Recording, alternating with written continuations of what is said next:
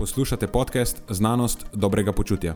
To je oddaja, v kateri odkrivamo, kako lahko znanost pomaga izboljšati vaše počutje in kako kritično razmišljanje omogoča sprejemanje dobrih odločitev na področju zdravja in fitnesa.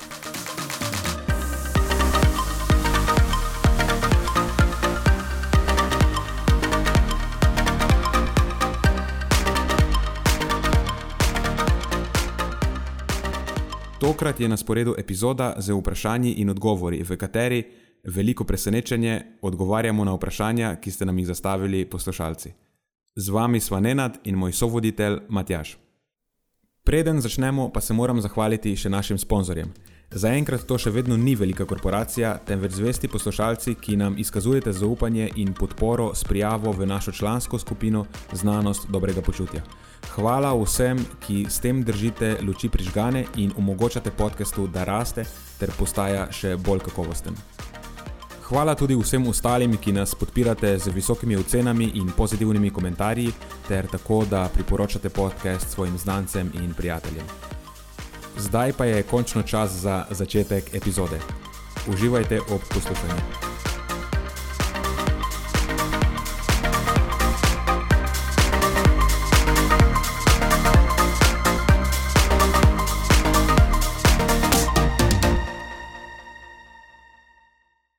Živijo, Matjaš. Ne, ne, pozdravljam. Kako, kako si danes? V redu, ti? Ej, eh, super, še vedno eh, podoživljam naš team building vikend. Da, to je bilo super. To je bilo odlično. Tako da eh, za vse poslušalce, Nenad je lahko tudi odličen turistični vodik po, po prekmorju, če bo slučajno koga zanimalo. Pele vas na vse top lokacije, najboljša hrana, najboljši razgledi tako ena brezsramna samo promocija za začetek tega podcasta. Ja, se lahko, se lahko zmenimo. Čeprav, glede na to, koliko dela mi je vzelo, bo, bom kar zaračunal. No? Ja. Ni to nekaj znotraj moje cone obdobja. Uh, Odlično si to vse poteka tako kot po maslu, švicarska ura. To je to. Okay. Se že veselim naslednjega. A spet bomo šli v prekmorje? Uh, ne, tokrat pa mislim, da bomo mogli kakšne druge pokrajine si pogledati. Ja, ja, mislim, da nimamo toliko turističnih znamenitosti. Da bi lahko še enkrat s tem številom presenetil.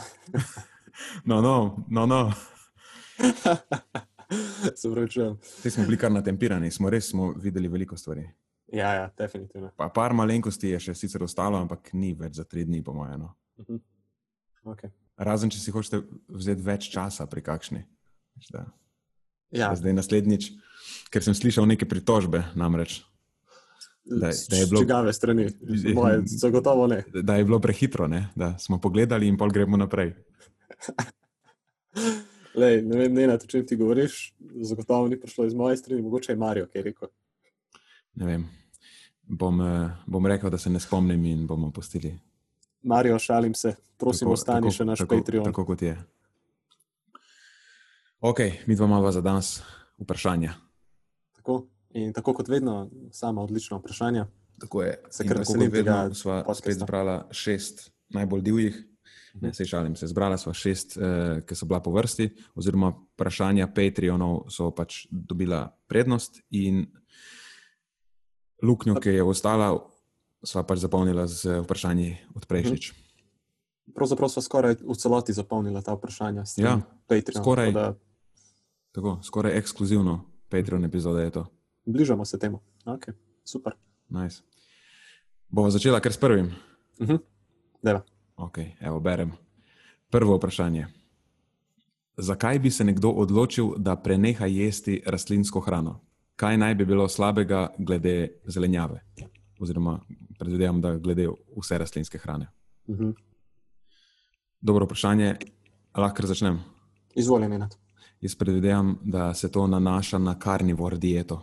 Oh, je, skoraj zagotovo. Ja, to je tista neka najbolj skrajna različica nizkohidratne prehrane. Vse se mi zdi, da spada v ta razred nizkohidratnih diet. Ja, ja, definitivno. In pa eh, skrajno nasprotje veganstva. Recimo, ja. V glavnem, to, da nekdo preneha jesti vso rastlinsko hrano, mislim, da lahko rečemo, da je ena izmed bolj skrajnih odločitev v prehrani. Mhm. Ne, tako da zdaj vprašanje, zakaj bi se nekdo odločil za kaj takega.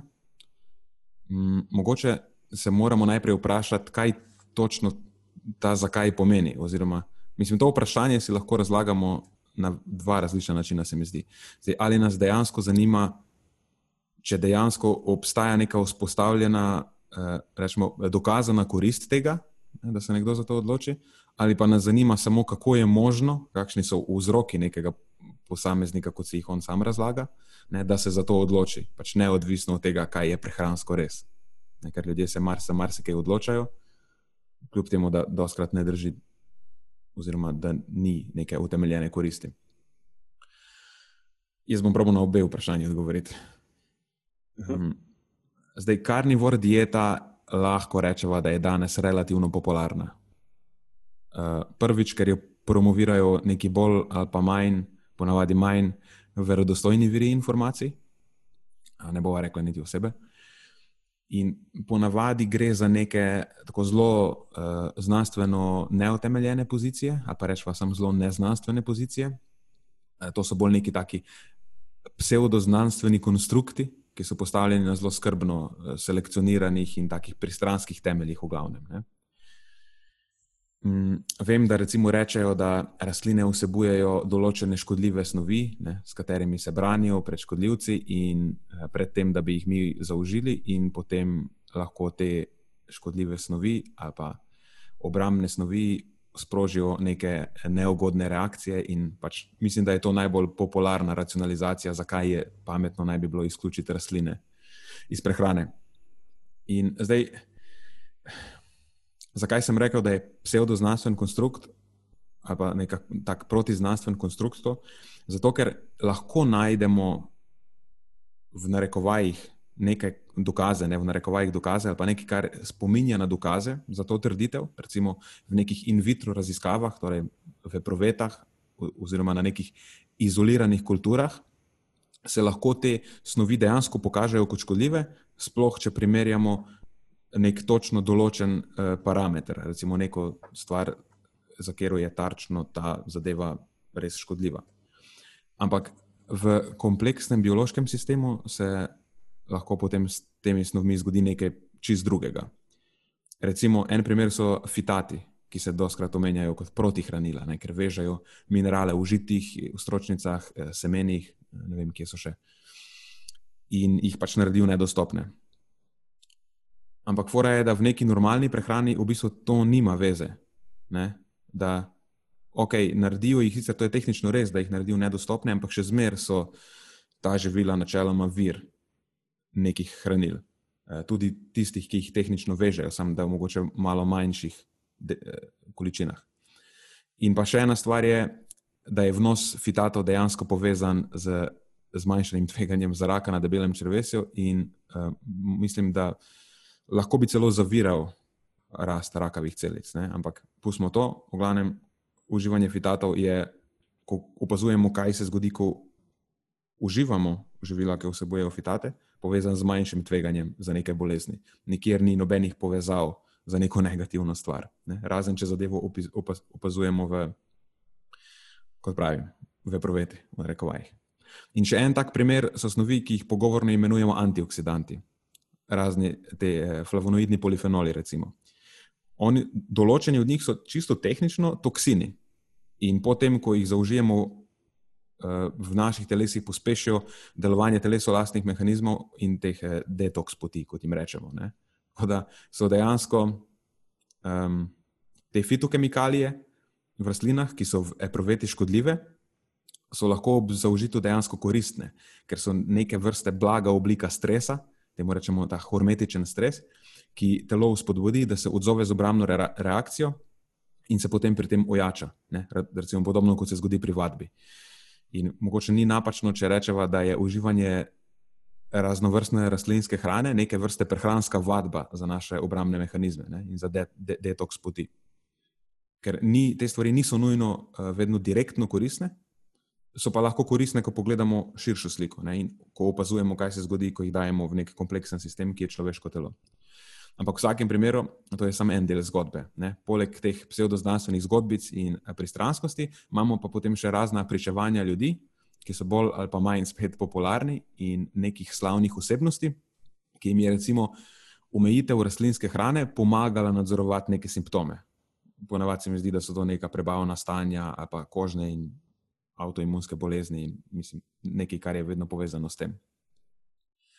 Tako da ta popularna karnivor zgodba je neka mešanica um, teh pseudoznanstvenih trditev in anegdot ljudi, ne, ki so uspeli šele z relativno skrajno omejitvijo določenih živil zmanjšati svoje simptome. Tako da lahko že vidiva, zakaj je mogoče bi se nekomu zdela ta stvar popularna.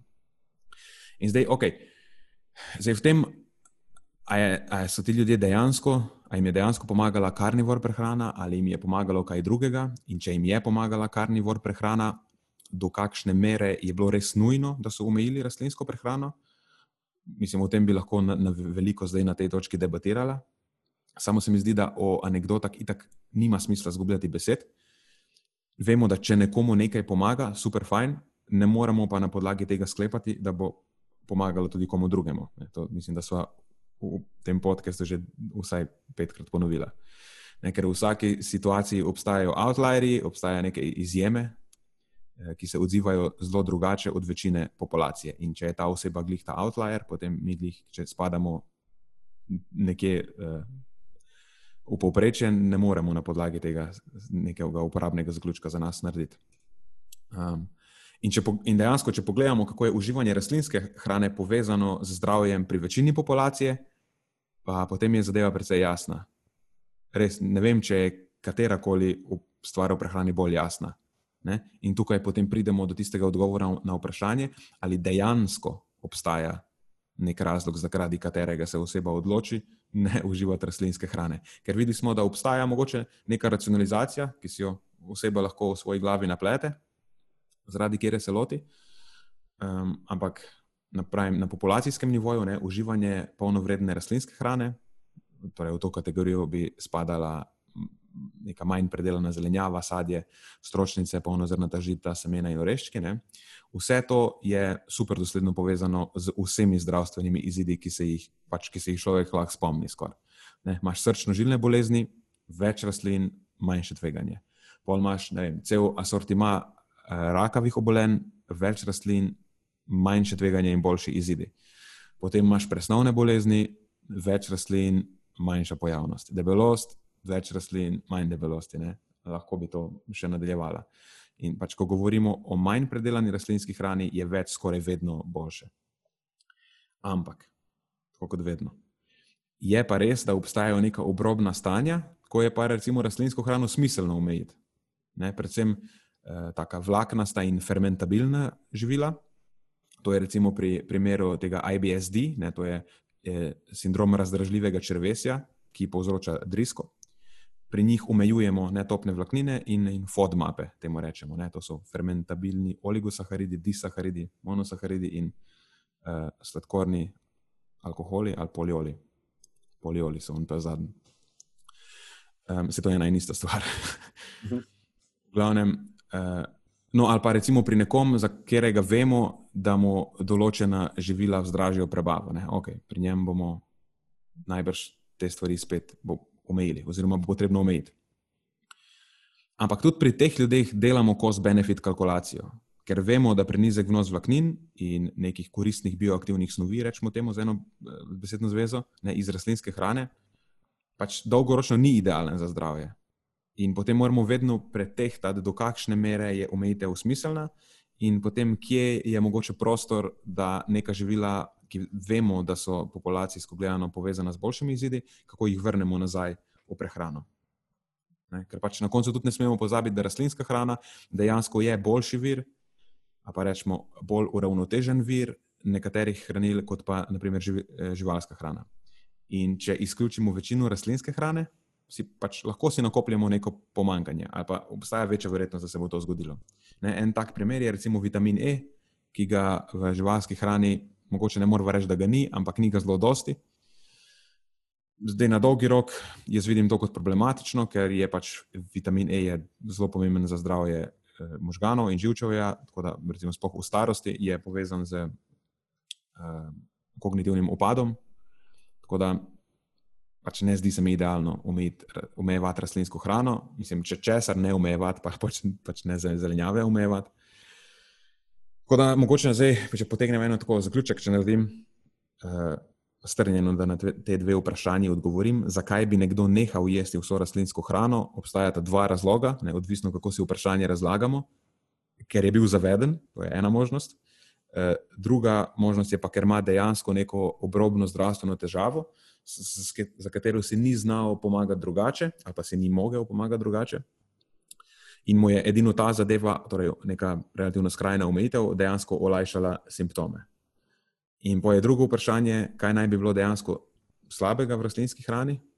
Um, za večino ljudi najbrž nič, oziroma za večino ljudi mislim, da se lahko strinjava, da je rastlinska hrana uh, odličen in celo bogat vir za zdravje koristnih snovi. Mm, drugi odgovor je pa eh, zdaj pri izjemah, ko neka živila resnično lahko vsebujejo določeno snov, ki nekomu povzroči težave. Um, v tem primeru je to slabo, ampak mogoče niti ni nujno, da se potem izogiba vse rastlinske hrane. Lahko pomaga, že če izloči samo pač problematično, oziroma če je res samo ena problematična, pa bo valjda, da bo pomagalo, in lahko še zmeraj vse ostale vse ostale rastlinske živila uživa naprej. Mm, problem je mogoče samo, če je teh problematičnih živil preveč, potem se zadeva hitro zaplete in neke vrste shotgun pristop je morda res najbolj smiseln, eh, sploh na kratki rok, ampak spet potem gledamo, kako lahko neke stvari vračamo nazaj. Eh, na tej točki mogoče eno stvar je, bi bilo fajn opozoriti, je to, da pač ne si teh stvari nekako sami diagnosticirati. Ne. Ona varianta sem pojedel brokoli in potem sem bil full, ne vem, me je napenjalo in zdaj jaz mislim, da imam težavo z brokolijem. Ne. Te stvari se ponovadi ne delajo tako. Ja, zagotovo ne. E, tako da se mi zdi, da so, bi kaj dodal. Ne, ne, na odlično si pa vzel tole. Mogoče bi samo to dodal, da se morda rahlo zavijam ven iz teme, ampak se mi vsem zdi smiselno povdariti, je to, da pač evolucijsko gledano smo obligatni vse jedi. Ne, to priča naš prebavni sistem, zobje in pa dejstvo, da popolno izključevanje tako živil živalskega izvora, kakor tudi popolno izključevanje živil rastlinskega izvora vodi do pomankanj in do najrazličnejših zdravstvenih težav. Ne, na naslovu živil živalskega izvora nam je znano, še B12, omega 3. Eh, tudi železo in cink, katerega živila živalskega izvora so morda malo boljši viri. Ampak po drugi strani tudi ja, živila rastlinskega izvora. Tukaj imamo vlaknine, imamo, eh, recimo imamo vitamin C. Smo eno zanimivo dejstvo na tej točki. Eh, pred mnogo leti smo pač izgubili to sposobnost lastne sinteze vitamina C, vsaj do neke take spodobne, zgledne mere, podobno kot hrčki, samo zato, ker enostavno dobimo toliko vitamina C iz prehrane kot take. Skratka, nekaj večje število skupin, kot izločamo iz svoje prehrane, na več potencijalnih težav lahko naletimo. In to še posebej velja za eno tako skupino, kot je zelenjava, ki je tako izvrsten vir najrazličnejših hranil. Uh, tako, eno malenkost sem želel dodati tukaj. Ej, super. Dobro, da si omenil ta vitamin C, ne morem verjeti, da sem pozabil to tam povedati. Se mi zdi, da eh, pogosto zagovorniki karnivor prehrane trdijo, da ne potrebujemo potem toliko vitamina C, oziroma naše telo nekako skompenzira samo uh, vse skupaj, ampak temu zagotovo ni tako in zato imamo tudi zelo dobre, zelo dobre raziskave. Mm -hmm. Se tudi, če bi bilo dejansko res, ne more ga zmanjšati na nič. Ne? In vsebnost vitamina C v živalskih živilih je pa izjemno nizka. Mislim, moraš res iti uh, out of your way, kako je po slovensko, iz svoje smeri. Mislim, ven, moraš res se potruditi, pol, da neke čudne kose zbiraš, ki jih ne moreš kupiti dejansko pri nas v trgovinah. Ja, ja, take malo bolj eksotične kose. Ja, tako. Mi je pa všeč, da se obstaja dejansko evolucijski razlog, zakaj ni pametno ne, izključevati eh, rastlinskih živil iz prehrane. Uh mhm. -huh. Ker je ne, vitamin C je ena tako zelo jasna prilagoditev, da ne, ne moreš skoraj zanikati, da je bila rastlinska prehrana očitno zelo eh, prominenten. Prominentno vlogo je igrala tekom naše evolucije. Tako. Če se pa ne strinjaš, pa se lahko vrneš par stoletij nazaj in vprašaš tiste mornarje, ki so imeli skorbut, če oni uživajo svoje življenje brez vitamina C. Mm. bi skoraj zagotovo trdil, da ne. Mogoče zdaj, če smo zavila tudi v to neko tako evolucijsko smer. Ena stvar, ki jo pogosto rečejo, pogosto to uporabljajo tudi kot argument, ne, da ljudje smo pa v bistvu nekako postali ljudje, ne v smislu, razvili smo se v tej smeri velikih možganov, zato ker smo jedli ful mesa. In ja, noben ne zanika, da je igralo meso uh, tekom evolucije neko pomembno vlogo, sam pač ni bilo samo meso. Uh, tudi recimo škrob, ko so naši predniki uporabljali začeli ogen, pa kuhati, pa je postal škrob bolj dostopen. Pa, um, tudi to je igralo bistveno vlogo. Tako, toplotna obdelava same hrane in podobno. In, tako, in pač niso bili. Niso bili karnivori, no, živeli so večino evolucije, smo kot eh, ne, ta človeška žival, ne reko, jih preživeli okoli ekvatorja. Mislim, tam je fulene rastlinske hrane. In vemo, zdaj že na, na podlagi teh nekih eh, arheoloških eh, odkritij, ali pa ne vem, eh, kaj je to, paleoantropoloških, uh mhm. -huh. Da so ljudje vso svojo evolucijsko zgodovino skoraj uživali um, veliko rastlinske hrane. Ker je pač tudi lažje jo je najti kot živalsko hrano. Tudi danes imamo tako zelo en tak zanimiv pogled na meso, pa na živalsko hrano, ki je fully enostavno je iti v mesnico in kupiti zrezek in priti domov in ga obrniti dvakrat na nečem toplem. Mhm. Samo, če moraš ti pa žival ja, ujeti, ja, pa jo potem moraš še eh, spucati, pa razkosati in vse to upoštevaj, da moraš delati ne, blizu ekvatorja, ki je 20 stopinj Celzija. Ne, to ne pomeni, da je tebi vroče, ampak da je to meso izjemno pokvarljivo, ne moreš ga dati v mhm. hladilnik, ne, ni vedno na voljo. Pač nekak, to je tako ena pravljica, je v bistvu, da so bili naši predniki ful meso jedi. Uhum. Ja, jedli so meso, ampak niso bili meso jedi. Odlično. Mislim, okay. da si zaslužijo tukaj eno klubco.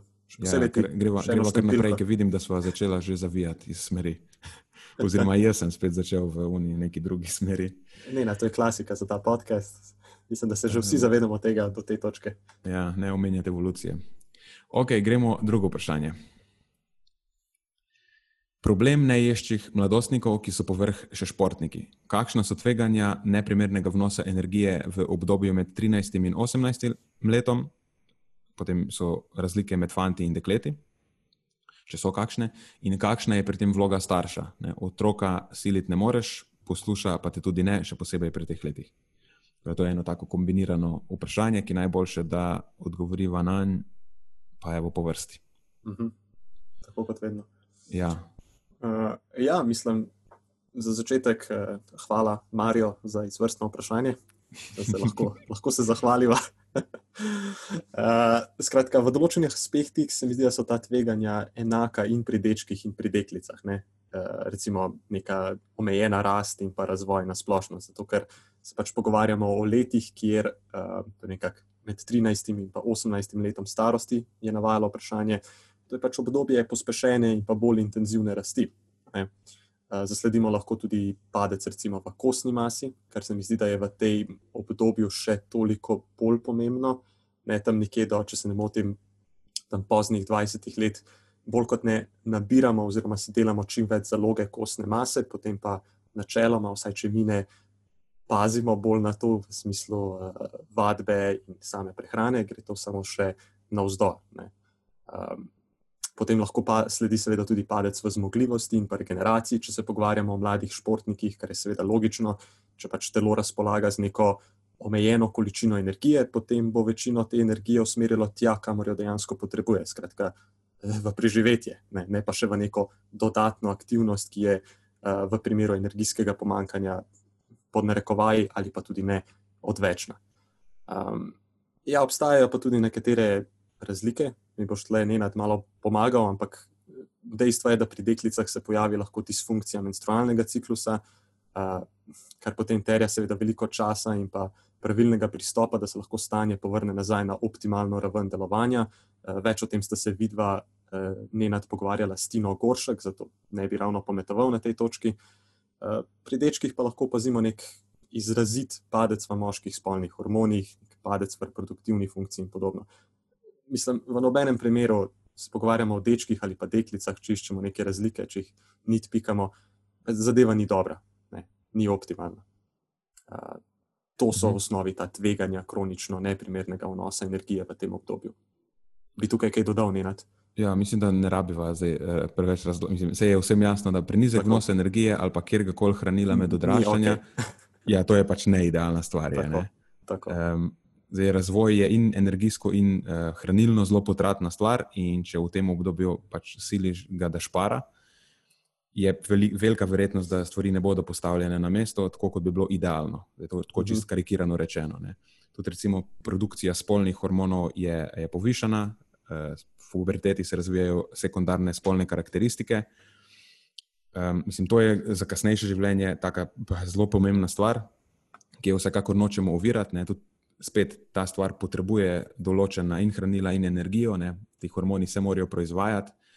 Eh, Če to manjka, um, pač ne bo ok. Ne. Zdaj, zdaj, mogoče najstniku to dejansko lahko tako približaš, če se malo navežem na ono naslednje vprašanje. Mhm. Pač, ne, v bistvu, ker, ker je res dejansko, ne, lahko mogoče celo lahko fantu rečeš, hej, mislim.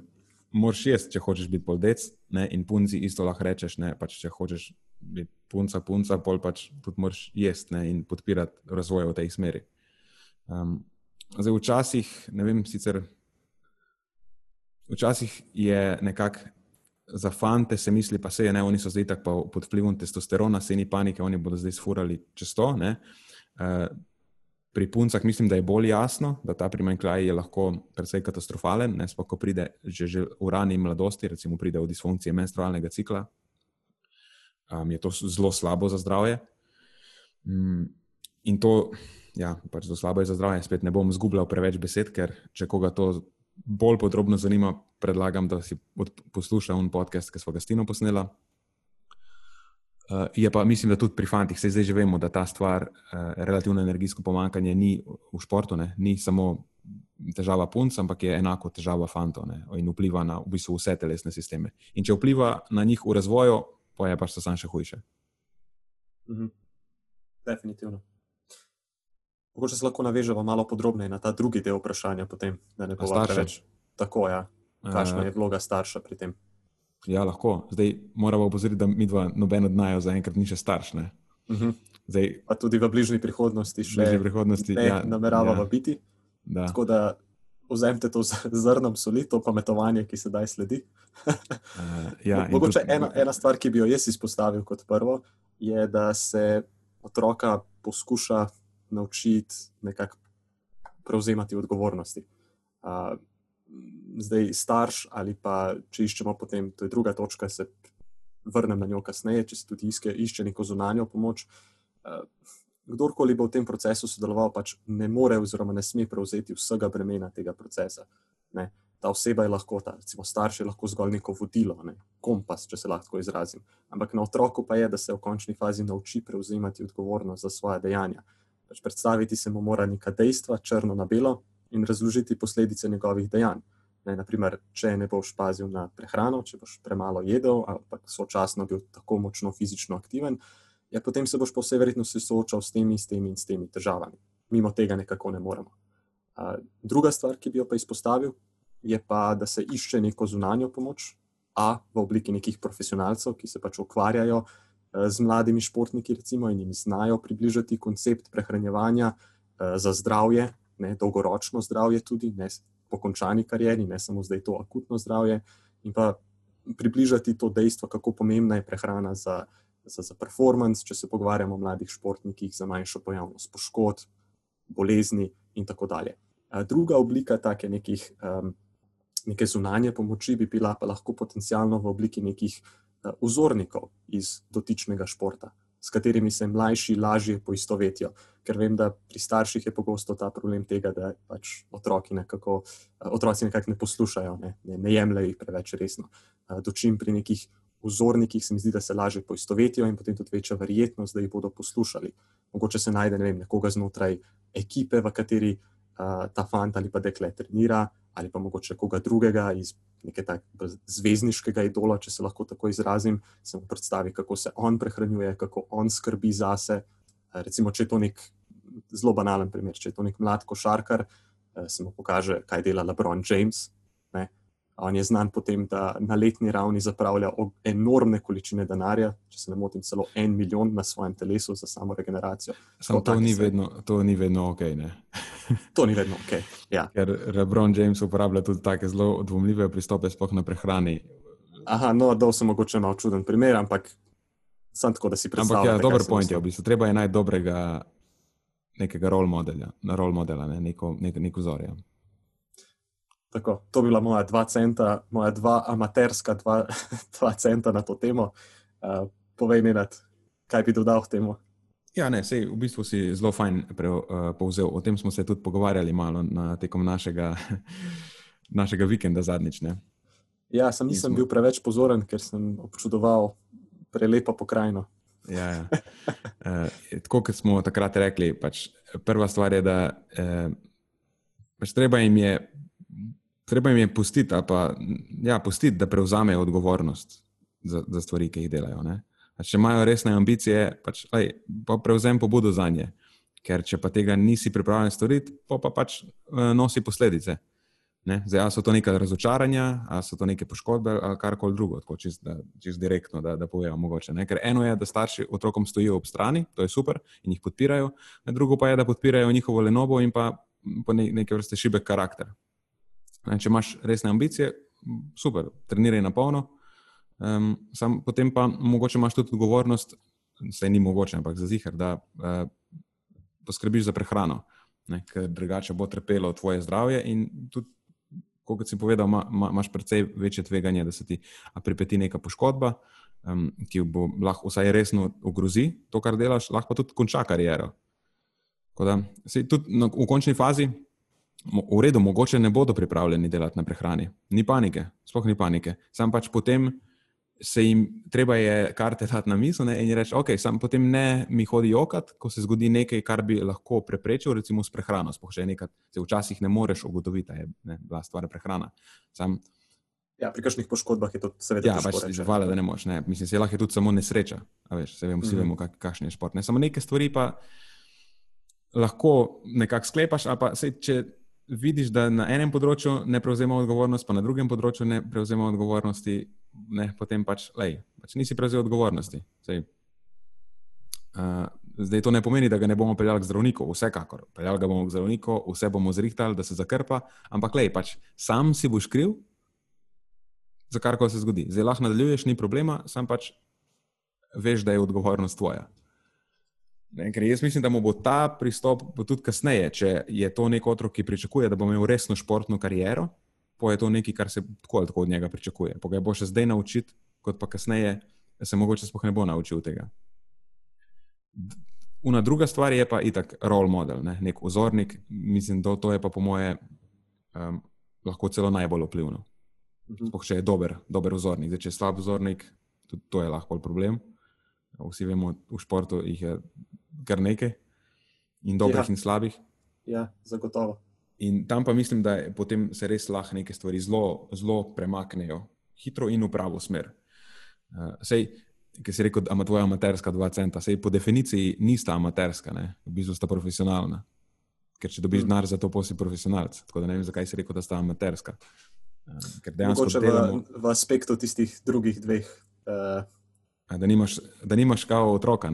Sam, vse v redu, jaz dejansko nimam, nimava, niti en od naju nima otroka, so pa bila v neki pomožni vlogi starša, lahko rečem temu, eh, pri mladih športnikih. Pač delala so z mladimi športniki, ki imajo svoje starše, niso bila njihova ja. starša. Uh, niti niso vzgajala teh otrok, ampak uh, sva pa bila in pač odigrala so neko vlogo v tem procesu, probala so biti predvsem tako, da so probala biti vzornika, vidim, da je pač to je Marijo, pa tebi je lažje, ne? ker dejansko ima ta zgodovino športa, tako rečemo temu, lahko rečemo tudi profesionalno, sploh za Marija. Uh mhm. -huh. In je pol to lažje, ker se lažje se otroci poistovetijo z njim. Um, jaz pa pač moram igrati na to, da sem pametnjakovič. in pa mi ne uspe vedno dobro. Um, V glavnem, ne šalim se. Ja, ne, to si dobro povedal. Pa tudi nezanemrljiv delež teh mladih otrok ima ravno te težave, o katerih se pogovarjamo v tej točki. E, so neješči zdaj zaradi takšnih ali drugačnih razlogov. Po nesreči, mm. kdaj tudi za nalašč prije do nekih restrikcij, ampak to je že čisto popolnoma druga tema. Ja. Ampak ja, definitivno se soočajo z vsemi temi težavami. Jaz, zdaj, ko si to povedal, še eno stvar se mi zdi vredno izpostaviti. Je tudi pristop je zelo pomemben, ne, kako gremo k temu, ker starši, oziroma ja, kako gremo. Ker starši lahko imajo vedno, mislim, se ponavadi imajo najboljše namene. Ne, in zdaj mi dva govorimo o tem, da ja, prehrana je zelo pomembna, samo je Eh, starši si različno predstavljajo, kaj to pomeni dobra prehrana. In doskrat imajo vsem najboljše namene in veliko pozornosti namenjajo hrani. Veš, vse je manj predelano, vse je polno vredno, eh, full zelenjave bomo pojedli. In mislim, to bi bilo v normalnih okoliščinah super. Samo nastane težava, če njihovi otroci niso normalni, ne? ampak pri 15 letih tekmujejo na državnem prvenstvu. Pač to ni normalno, to je poseben cilj in zahteva poseben pristop. Zdaj, po drugi strani tudi zdaj, to, da so otroci športniki, eh, ni izgovor, ne, da lahko požrejo vse živo in da ni potrebno paziti na kakovost in da bo itak bodo vse porabili, niti slučajno. Tako. Je pa pač potrebno najti neko srednjo pot, na kateri imamo na eni strani dovolj energije, ne, dovolj kalorij pojemo, zdaj to lahko eh, zagotovimo tudi s pomočjo nekih predelanih izdelkov, če je treba, in pa na drugi strani njihova prehrana mora biti še vedno dovolj kakovostna, mora vsebovati dosti polnovrednih živil, da zagotovi vsa ta esencialna makro in mikrohranila. Ne? In potem je, ja, ful je lahko težko. Ne? Imáš lahko otroka, ki je ne ješ, eh, ne veš točno, kaj bi bilo dobro za njega, kakšne so potrebe njegovega športa. Eh, po, drugi, po tretji strani, v bistvu, že otrok se ti malo upira, ni pripravljen prevzeti vse odgovornosti, ne? ker pač sej, vsi smo taki, vsi delamo stvari najraje po liniji najmanjšega odpora. In če, sej, če otrok vidi, da lahko vzame malo več resursov, ne, kot bi bilo prav, da jih vzame, pa jih bo pač vzel, zakaj jih pa ne bi, se za njega je to prednost. Ne, da se lahko malo bolj zanaša na nekoga drugega, pa pač on te stvari ne stori. Sej, otroci se učijo, gledajo, kako stvari okoli njih funkcionirajo in se na podlagi tega učijo. In če stvari okoli njih funkcionirajo tako, da se mu vse prinese ne, zraven, da ne bomo uporabljali grde besede, pa se bodo pač tega priučili. Sej, ne, kaj pa se ni drugega za pričakovati od njih. Ja, definitivno. Eh, dobro ste to izpostavili. Vsekakor, generalno, no, pač je težka situacija za starša. Mm -hmm. Ok, a a je to to? To je to, ne enajst. Odlično. Da lahko nadaljujemo to je naslednje vprašanje. Druga klukca. Tako. Tretje vprašanje. Kaj pravzaprav pomeni vadba brez bolečin? Kakšen je primeren nivo vadbe za rekreativce, kako veš, kdaj si pretiraval, in na drugi strani, kdaj je bila vadba premalo intenzivna? Super, še eno odlično vprašanje. A se lahko mhm. kar res lotim tega? A ja, kar da je. Super. Skratka, vprašanje, ki se v osnovi navezuje na to, kako intenziven naj bo trening, zato da vemo, da žanje ima vse pozitivne učinke ven iz njega. Um, zdaj, na splošno se mi zdi to, kar se zelo pogosto dogaja v praksi, uh, in to je merjenje učinkovitosti vadbe preko tega, kako smo utrujeni, kako smo prešvicani po njej, ali pa koliko muskel fibra imamo, je tak precej zgrešen pristop. Um, oziroma, lahko bi celo rekli, da je zelo, zelo intenziven muskel fibr običajno znak ravno nasprotnega, torej da smo pač pretiravali z intenzivnostjo same vadbe. In meni osebno bi se najbolj tak smiselna na svet, pozdravi pameti na tem naslovu, zdel uh, sledeč če z uporabo nekih objektivnih meril napredujemo, potem je pač trening dovolj intenziven. Kaj mislim s tem? Če recimo skozi neko daljše časovno obdobje dvigujemo več bremena, kot smo ga prej, ali pa isto breme premagujemo za večje število ponovitev, um, ali pa ne vem, če smo hitrejši preko enake razdalje, če lahko vem, višje vertikalno skočimo, to so pač znaki tega, da napredujemo. Ne? Še mnogi drugi so, ampak to so pač eni izmed njih. Um, in v primeru, da se to ne dogaja, da skozi daljše časovno obdobje ne napredujemo v nekih objektivnih metrikah, in sočasno tudi ne čutimo pretirane utrujenosti po vadbi, pretiranega muskelfibra, recimo, nismo preveč utrujeni, pre, je regeneracija na mestu, potem je pa pač to najbrž znak, da je potrebno malo povišati intenzivnost same vadbe obstajajo najbrž tudi bolj, bolj učinkoviti načini, kako lahko spremljamo te stvari. To je bil en tak zelo tak lajčen pristop, ki se mi zdi, da bi bil uporaben tako za generalno populacijo. Morda se kakšni kineziologi zdaj pač po glavi udarjajo, kaj zdaj jaz govorim, ampak tak common sensical pristop se bi mi to zdel, tak pozdravi pameti pristop. Um, kar pa bi bilo potrebno paziti, ko to storimo, ko dvigujemo intenziteto vadbe, če odkrijemo, da je to potrebno, potem je to zelo smiselno, da naredimo to postopoma. Ne? ne pa tako, kot se tega zelo pogosto lotimo v praksi, kjer volumen treninga dobesedno podvojimo čez noč in to naredimo za, nek, za neomejeno časovno obdobje, brez uh, predhodno načrtovanih pauz oziroma nekih obdobij načrtne niže intenzivnosti telovadbe. Uh, to bi bil moj odgovor. Kaj praviš, Nina? Mhm. Zelo strnjeno, zelo uh, pozdravi pameti, kot si povedal. Mogoče sam nisva naslovila prvega dela, kaj pomeni vadba brez bolečin. Mhm. Super, prepuščam ti to. Mislim, da tudi to lahko tako pozdravi pameti razdelava. Ne? Ker mislim, da vsi znamo ločiti bolečino, ki je neudobna bolečina, ki uh, ali spominja na poškodbo, ali pa sam daje slutiti, da se bo to slejko prej zgodilo. Pač je neke vrste bolečina, ki nas um, tako zelo proba odvrniti od tega početja, ki ga pač v tem trenutku delamo, in neka druga vrsta bolečine, ki nam pač daje uh, vedeti o povišani presnovni aktivnosti mišic, um, ki je mhm. tako ali tako pač neizogibna, je, ko treniramo za dosti intenzivno, da bomo napredovali, ponavadi. Uh, vsi čutimo pol. Da se nekaj dogaja s temi mišicami. Tako da vadba brez bolečin, čistko nekako najbolj, uh, um, kako bi rekel, beseda bolečina, kaj pomeni, ne, ne more obstajati. Ne. Šport je pač naporen in zdaj, če to mhm. napor smatraš kot bolečino, pa pač ne more obstajati. Zdaj, verjamem pa, da, da bi lahko to bolečino predefinirali nekako drugače in bi te, temu neudobju, ki je posledica eh, ne, povišane presnovne aktivnosti, rekli nekako drugače, ne bolečina in bi prihranili besedo bolečina za ono bolečino, ki je pač nekako bolečina, ki daje signal, da je nekaj narobe. Mogoče, a se ti zdi to smiselno? Da ne, ne, super, ni, da, da ja, si to izpostavil. Da, da ne komplicirava ne, nadalje, kaj zdaj ta bolečina Tako. točno pomeni. Um, zdaj, kaj je primeren novo vadbe za rekreativce, to je spet zelo uh, subjektivno, se mi zdi. Nekakšne vrste rekreativce, se imamo različne vrste, tudi s katero vrsto športa se ukvarjamo. Uh, nekdo bo mogel bistveno več, če govorimo o časovnem vložku. Če je nek vzdržljivostni športnik, to bo terjalo več časovnega vložka, gen, mislim, v povprečju, kot ga terja, če nekdo vadi z bremeni, z otežmi. Mm, in tudi to, kako veš, kdaj si pretiraval, bo, se bo najbrž drugače poznalo, v odvisnosti od tega, kakšna je tvoja vrsta fizične aktivnosti. Uh mhm. -huh. Ja, to so sami pomembni faktori, ne moramo tukaj pač generalizirati. Mm. Mislim pa, da je res naj, najelegantneje tako. Ne? Če na, napreduješ v nekem daljšem časovnem obdobju, to ne pomeni z danes na jutr, ker to se ne bo zgodilo. Ampak recimo, če imaš vsaj približno blok nekako sprogramiran in da lahko zaznaš premike na boljše, recimo v roku dveh tednov.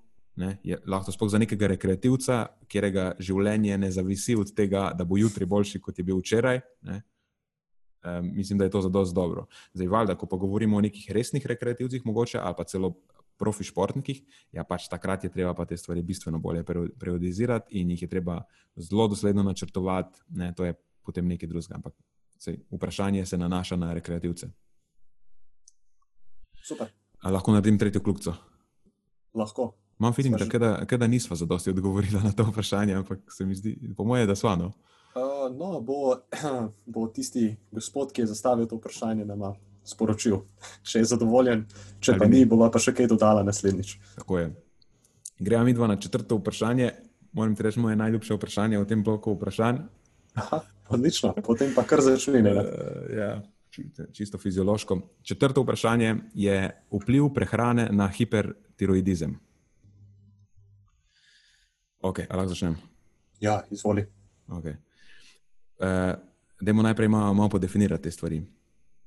Hipertiroidizem, što je tako zapletena beseda, kako mi to izgovorim. Uh, to je v bistvu angliška beseda, oziroma neka poslo, poskus neke poslovenitve. Po slovensko je hipertiroza. Hiper pomeni preveč, uh, tiro pomeni, eh, v bistvu je ta, tiroid, je ščitnica. Torej, ta srednji del se nanaša na funkcijo ščitnice, ne to je to, da proizvaja ščitnične hormone. In pomaž končnico je oza, pomeni neko nenormalno stanje oziroma splošno funkcionalno motnjo. Ne, in to je sestavljanka teh besed, hipertiroza, ki pomeni stanje pretirane proizvodnje ščitničnih hormonov v ščitnični žlezi. Ne. In pol iz tega stanja izvirajo razni simptomi, ki so pa posledica izpostavljenosti tkiv um, pač čezmernim količinam teh ščitničnih hormonov. Eh, da bi se lahko začeli pogovarjati o vpliv, vplivu prehrane na hipertirozo, moramo najprej ugotoviti, kje točno pride do težave, ne? zakaj ta težava nastopi. Ker je to je zelo odvisno, kako se o tem sploh pogovarjamo, ne? v kakšni vrsti. Ker pač hipertiroza je nek, nek sindrom, ne? je stanje nekih simptomov uh, in vzroki so lahko različni. Um, tako da ne moremo govoriti kot samo o eni stvari. Ampak, ko, ko stvari potekajo normalno, ne pa hipotalamus, ki je nekak, uh, nek tak center v naših možganih, ki uh, kontrolira uh, homeostazo, ne, vzdržuje ravnovesje različnih stvari, ki so pomembne za naše preživetje, tudi ščitničnih hormonov, pa presnovne stopnje. Ne, pač on zazna nizke ravni, recimo ščitničnih hormonov, ko jih zazna, in potem sprosti. Um, tirotropin, sproščujoči hormon, oziroma eh, TRH, bomo rekli temu, je kratica, in uh, eh, TRH, TRH, potem naprej v hipofizi stimulira proizvodnjo uh, ščitnico spodbojajočega hormona. To obstaja krajše ime, zato je tirotropin, pa TSH, kratica, hvala Bogu. In potem ta TSH naprej uh, stimulira ščitnico, In pol v ščitnici je, je tisoče enih takih foliklov, in te folikli so take krogle, sestavljene iz folikularnih celic. In potem, ko se um, TSH veže tam na receptorje, potem začnejo te folikularne celice pretvarjati en protein, ki se mu reče tiroglobin, in se nahaja v foliklu. Eh, pa te folikularne celice potem m, iz, iz tega tvorijo dva uh, jod, vsebojoča hormona, rečemo temu, začnejo pač pripenjati jod na ta uh, tiroglobulin in nastane ta, ta dva ščitnična hormona, ki jo pa poznamo pod imenom eh, trijodotironin, zelo enostavno, te tri, trijodo in pa tetrajodotironin, um, oziroma tiroksin, mu včasih rečejo, je to štiri. In potem se ta hormona naprej uh, sproščata v obtok, prevzemajo jih pač vse, praktično vse celice v telesu, uh, večina. Ščitnice, večina teh ščitničnih hormonov se iz ščitnice sprosti v obliki te, te štiri, neko veliko razmerje, mislim, da je celo nad 10 proti 1, mislim, da je 14 proti 1 ali nekaj tajega. V glavnem, bistveno več te 4 kot te 3, in potem se te 4 uh, eh, po telesu pretvarja v aktivno obliko um, te 3. Ne, te tri smo rekli, aktivna oblika. Vidimo, da je tu fulejnih korakov vmes, in uh, v bistvu na večjih od teh korakov lahko pride do motnje. In ko se pojavi ta motnja, lahko se pojavi motnja v smislu, da se ta veriga prekine in pride do hipotiroze, pomeni, da je zmanjšano delovanje, ali pa do hipertiroze, ki se zaradi motnje v nekem koraku pospeši delovanje. In pol, kaj so funkcije um, ščitničnih hormonov, ne, oziroma te tri? Pač pospešen bazalni metabolizem, to je, oziroma pospešen metabolizem vseh tkiv, ki imajo receptorje za te tri. Um, in potem v teh tkivih se pospeši se poraba energije, eh, celice povečajo proizvodnjo proteinov, um, tako uh, gledano globalno, oziroma tak je vpliv na srčno-žilni sistem, poveča se minutni volumen srca, mislim, da utrip se predvsem, frekvenca srčnega utripa se poveča. Um, pospešena peristaltika, prebavila, ne, krčenje eh, tega gladkega mišiča prebavil se eh, pospeši, oziroma prebava se pospeši, in pa tudi ta eh, poveča se resorpcija v kosteh. Mm, to, to je potencialno lahko zelo problematično, če to traja kronično, ne, se bomo, bomo tega lotil kasneje. Um, no, pa nasplošno aktivira se, temu rečemo, simpatično uh, živčevje. Ne. To je pač tisti del avtonomnega živčevja, eh, ki je, eh, temu rečemo, odgovoren za tako imenovani ta odziv boja ali bega, ne? fight or flight odziv, tako kot smo malo na, na prstih.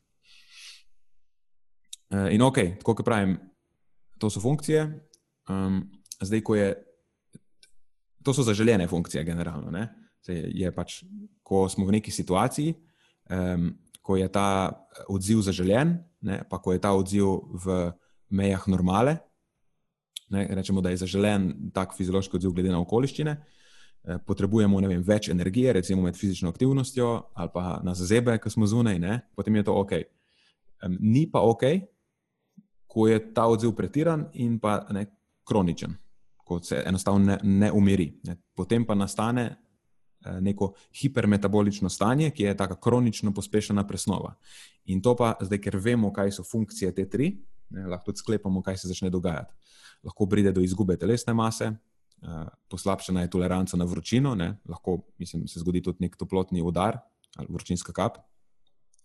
Imamo lahko prebavne motnje, drisko, izgubljamo kostno gostoto, ne, to je tista stvar, na katero sem prej namignil, za povečano uh, to, resorpcijo kosti. Ne, zdaj ta povečana resorpcija kosti, um, nalaganje nove mase ne uspe dohajati, in je ta, eh, to ravnoteže je porušeno, in v bistvu izgubljamo kostno, kostno maso. Ne. Potem pa tudi breme na srce in ožilje. Um, in neke psihološke motnje, bomo temu rekli, anksioznost, tak, tresavica, nemir, tudi nespečnost v končni fazi. Ne? Vse to zaradi prekomerne te simpatične stimulacije. En tak simptom, ki je opazen na prvi pogled, mm, sploh pri nekom, ki ima to že recimo dlje časa, a pa sploh ponavadi je to simptom Gravesove bolezni, se bomo pa več bomo o tem povedal, so izbuljena očesa. Ne? Tako prav izgledajo izbuljena, belina očesa je, je povečana. Um, tako da, če potegnemo črto, recimo, zakaj je hipertiroza najbolj nevarna ali pa zakaj jo hočemo kakorkoli nadzorovati, je pač ker povečane tveganje za osteoporozo in um, neke srčno-žilne zaplete, mislim, srčno popuščanje in take stvari. Zdaj pa, kaj so recimo najpogostejši vzroki, ne? prej, smo omenili, kako ta veriga uh, zgleda, ko so dogodki normalni. Um, uh, ena stvar je Gravesova bolezen, ne? in po slovensko, če tudi je Gravesova bolezen um, je v bistvu avtoimunska bolezen, kjer limfociti B proizvaja, začnejo proizvajati proti telesa, proti uh, ščitničnim proteinom. Um, in um, v bistvu na, uh, pro, proizvajajo te um, ščitnico spodbojajoče imunoglobuline, se mi, se mi zdi, da se jim reče, in te se pol vežejo na uh, ta receptor TSH, in pol pač folikurarne celice mislijo, da je to TSH ne, in stimulira se delovanje ščitnice, in to lahko povzroči tudi rast ščitnice in eh, pač prekomerno proizvodnjo hormonov ščitničnih. Pol imamo ena stvar, ki se ji reče eh, toksična nodularna govša, pač ki nastane um, tako vozel, ki spet izloča pretirano količino ščitničnih hormonov. E, to je pa recimo vzrok, ki je neodvisen od TSH-ja ne, in je uh, pač lahko je samo nek mutiran receptor, ki več ne spusti TSH-ja. Eh, pa imamo nek eh, ščitnični adenom, ki je v bistvu benigni tumor, ki nastane spet na, na ščitnici in ona spet nenadzorovano, nenadzorovano raste in proizvaja večje količine ščitničnih hormonov. Um, vneta in poškodovana ščitnica bi lahko bil še en razlog, če pride pač do neke poškodbe. Ne vem, če je to mogoče pri športnikih, če je kdo udarjen v ščitnico ali kaj takega, ne, se lahko sprosti eh, tako večje količine eh, predhodno sintetiziranih hormonov. Zato je potem, potem bolj načeloma taka prihodna stvar, ni, ni kronično, ne, razen če je pač neko vnetje, ki je spet prisotno kronično. Uh, in potem je jod je lahko problematičen. Um, temu rečejo, da pač pride z jodom povzročena tirotoksikoza, ne, pač toksičnost za ščitnico. To se potem zgodi, to je pa dejansko prehranski vzrok. Zgodi se, če nekdo, če pride do enega takega zelo velikega kontrasta v zaužitju joda, recimo, da nekdo zaužije neke čudne količine, nore količine joda naenkrat.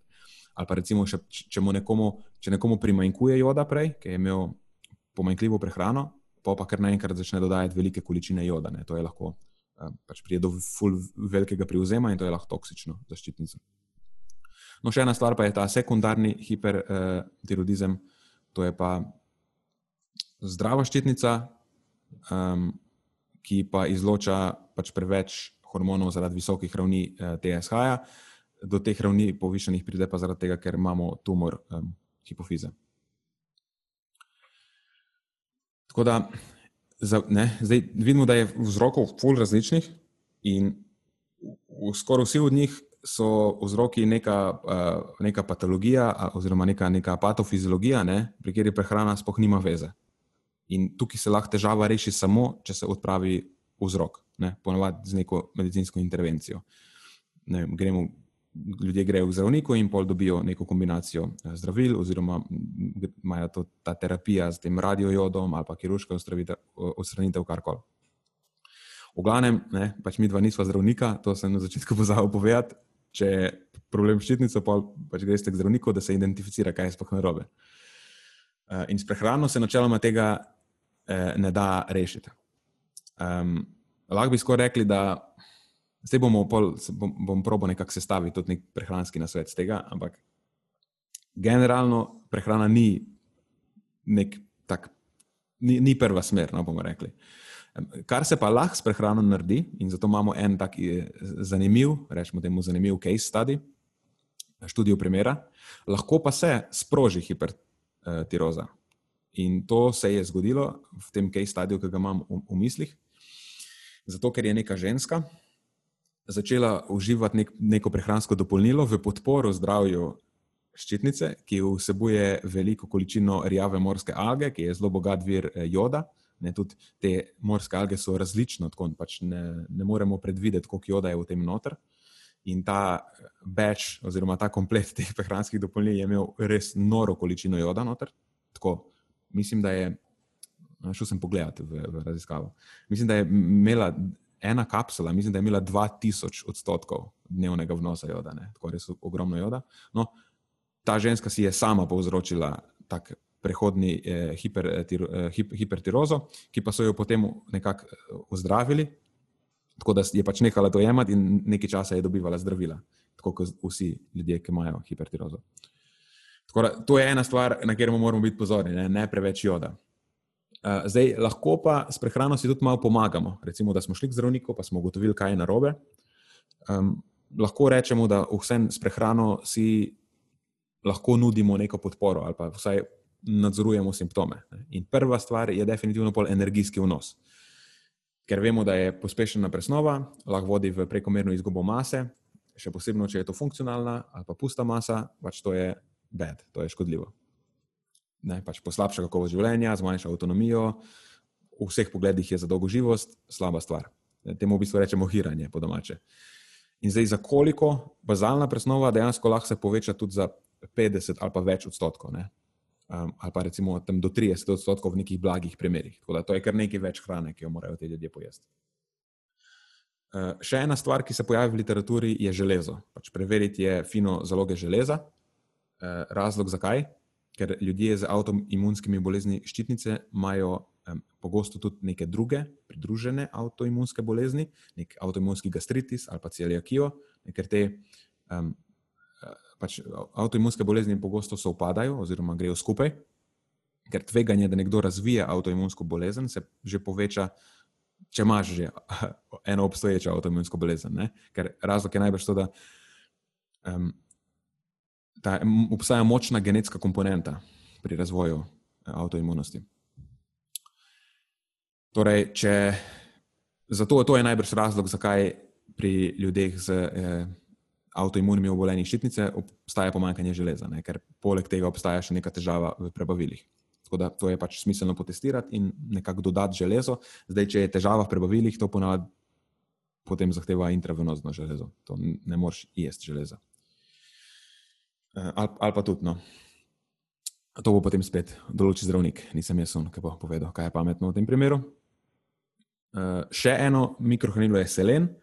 Um, ki ga je mogoče, mogoče mu je smiselno posvetiti malo več pozornosti, ker vemo, da vpliva na imunost, um, lahko bi prispeval k pomiritvi teh simptomov, uh, neke prekomerne imunske reakcije.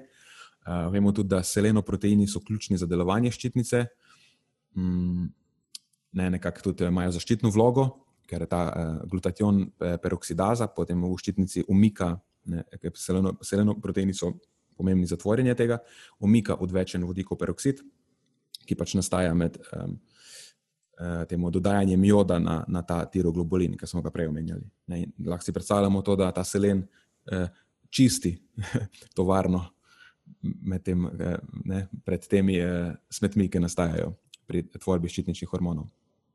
In vemo nekako tudi v literaturi, da na novo diagnosticirani primeri eh, hipertiroze so pogosto povezani z nizkimi ravnmi selena.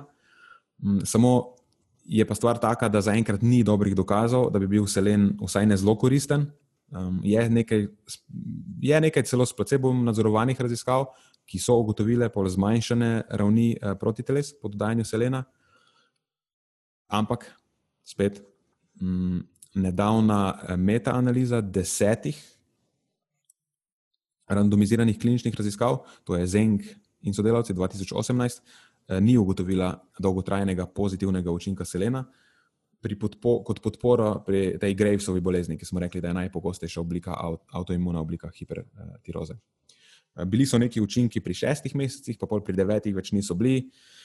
Realno je, da je ta metaanaliza tako metodološko prej, precej šipka, bomo temu rekli, in na tej točki pač ne vemo, ali je selen lahko koristen ali ni. Um, nekako po zdravi pameti, če ima nekdo dobro zalogo selena, ne, pa bogat, prehrano bogato selenom, pa pač nima smisla tega dodajati, spoh, ker tudi selen v prevelikih količinah je lahko toksičen.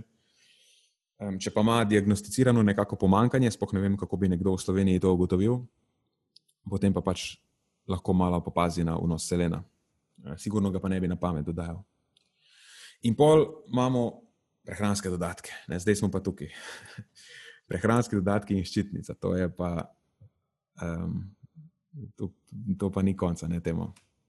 Ne, Ampak jaz bom samo omenil bom tiste najbolj pogoste, ki se omenjajo, pa ki bi mogoče lahko imeli neko, uh, a pa niti ne. No. V bistvu omenil bom samo te, ki, če bi tako res skozi prste pogledal, mogoče enkrat v prihodnosti bi se pojavila neka indikacija, to so karnitin, inozitol, melatonin, pa resveratrol. Ne to, to je, če tako res skozi prste pogledaš. Ampak, pa, če malo manj skozi prste pogledaš, pa dejansko preveriš znanstveno literaturo, potem pa L-karnitin je nekaj, kar bi bilo mogoče vredno razmisleka. Um, Zaenkrat vemo, da pokaže lahko pozitivne učinke pri uh, menedžiranju ene zadeve, ki je tako zelo huda zadeva, v bistvu reče se tiroidna kriza, oziroma američani temu rečejo thyroid storm, ščitnična nevihta.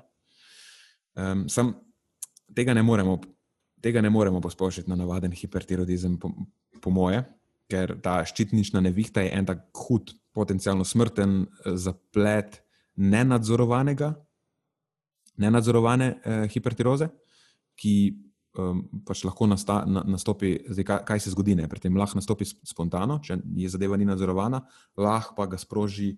Eh, neka poškodba ali pa recimo okužba, ob tem, ko imamo hipertirozo in pride do, vem, do močne vročine, uh, poveča se, več srčno trip se zelo poveča, lahko pride do nekih aritmij, v glavnem, če ta stvar ni menedžirana, lahko tudi vodi v, v srčni napad ali pa v odpoved srca. Ne. Tako da tu imamo eno tako res eno akutno situacijo. Pač tega ne moreš posplošiti na, ne, na norm, recimo, temu, nava, navadno hipertirozo.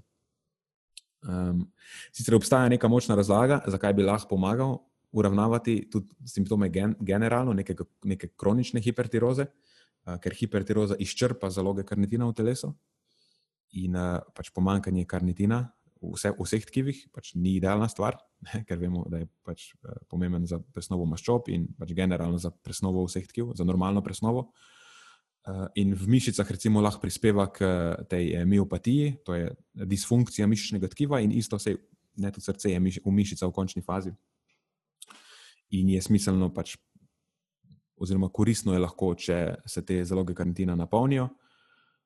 Um, je pa, veš, ni nekih priporočil, kakšna je doza. Um, Zaenkrat je to bolj tako. No.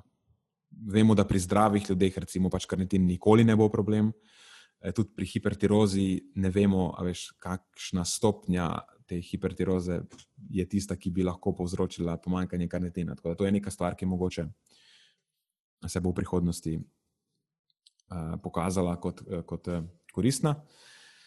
Vse več kot to je pa v bistvu tako. Zdaj, če nekdo ima stvar nadzorovano, jemlje neka zdravila, poje pa pač standardna, normalna, zdrava prehrana. Eh, recimo, temu taka prehrana, kot bi podprla vem, zdravje srca in ožilja, ne? ker vemo, da je hipertiroza s tem povezana, oziroma z slabšim, slabšimi izidi na področju kardiovaskularnega zdravja. Recimo prehrana, ki bi podprla zdrave in močne kosti, ne, če se tega bojimo.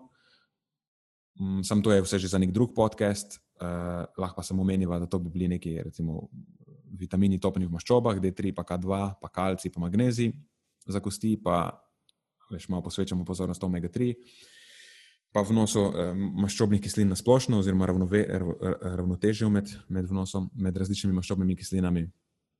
ampak pravim, to je pa že uh, nek drug podcast. Čist, čist zadnja stvar, obljubim, da je zadnja. so pa še ena stvar, ki se ji reče gojtrogeni. Ne? To je tudi nekaj, kar se mi zdi v tej sferi ščitnični, kar se dost, uh, dost omenja. Gojtrogeni so ene snovi, ki po domače pač znižajo proizvodnjo ščitničnih hormonov. Uh, mehanizmov je lahko več.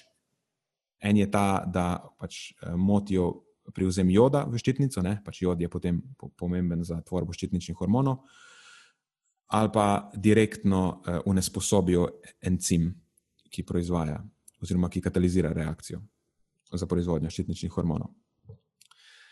Zakaj se, reče, zakaj se jim reče gojtrogeni, mogoče to koga zanima, ne vem, pač ker gojter je po angliško gauša, ne, geneza pa vemo, da nekako pomeni proizvodnjo nečesa ali pa ja, rečemo, proizvodnjo nečesa, torej so gojtrogeni, tiste snovi, ki vodijo v gošavost ali pa proizvajajo gošavost. Um, ja, nastop, njihov mehanizem je pa ta, da uh, povzročijo premalo, oziroma ja, premalo ščitničnih hormonov, ker motijo delovanje ščitnice, poveča se TSH. In ta TSH stimulira povečanje ščitnice, in zateka vrat, ne, nastane goša. Zdaj, kje najdemo te gojtrogene? Zdaj, zakaj bi sploh to bilo relevantno v tej celi zgodbi? Um, Sej v bistvu ni relevantno, ne? ampak eh, kak guru bi lahko napletel zgodbo okrog tega, ker če ima nekdo eh, pač hipertirozo, mu ščitnica proizvaja preveč ščitničnih hormonov in si ne želi iti na zdravila zaradi nekega razloga, ne? ker pač zdravila so ofuj in bi jaz rad to stvar eh, naravno uravnaval, to je ponavadi tako ta zgodba pol poteka bomo rekli, kul, cool, da jemo preveriti, kje rastline, ponovadi so rastline, imajo više vsebnost teh gojtrogenov in bomo jedli več tistega in bomo tako zavrli delova, delovanje svoje, svoje ščitnice.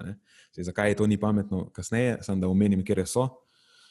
Um, pač to so one, najbolj, recimo, najpogosteje omenjene so križnice, to je brokoli, cvetača, ohrovt, razna zelja, ne vem kaj še. Um, redke, ohren, gorčica. To, recimo, to so stvari, generalno rečemo, ki so bogate s temi indolnimi glukozinolati, ki se pol pre, pre, presnavljajo v en gojtrogen, ki mu rečemo tiocianat. Eh, zdaj, tako, nimamo dejansko podatkov, da bi nekdo definiral, koliko križnic mora nekdo zaužiti, ne, da povzroči zmanjšanje ščitnične funkcije, najbrž neke smešne količine. Eh, ena študija je pokazala, da, da pride do 25-odstotnega zmanjšanja prevzema joda v ščitnico, če nekdo uživa dva ohrovtova smudija sedem dni zapored. Pač nisem šel preveriti, kakšna sta bila ta smudija, sem abstrakcijo prebral. Um, ampak je smešno, mi, zakaj to omenjam? Zato, ker je ne, tak, nek ohrovtov smudij pred časom bil kot ne, omenjen kot nekaj, kar je full zdravo. Ne? Kar je ok, vse jih ohrot je super, ne? samo če ti poješ tega uh, preveč in si dejansko uh, pridelaš uh, vnos velike količine teh gojtrogenov, to je lahko problematično za ščitnico zdravega človeka. Zdaj, da bi pa nekdo to spojedel, toliko zelenjave, brez smodijo je pa skoraj nemogoče. Ne? Ker to pomeni tudi, da bi lahko pojesti surove zelenjave, ker toplotna obdelava potem denaturira ponavadi te gojtrogene snovi v neke manj aktivne metabolite in to pol več ni to. Ne? Tako da, če nekdo kuha zelje, pol ni problematično, če ga pojema več.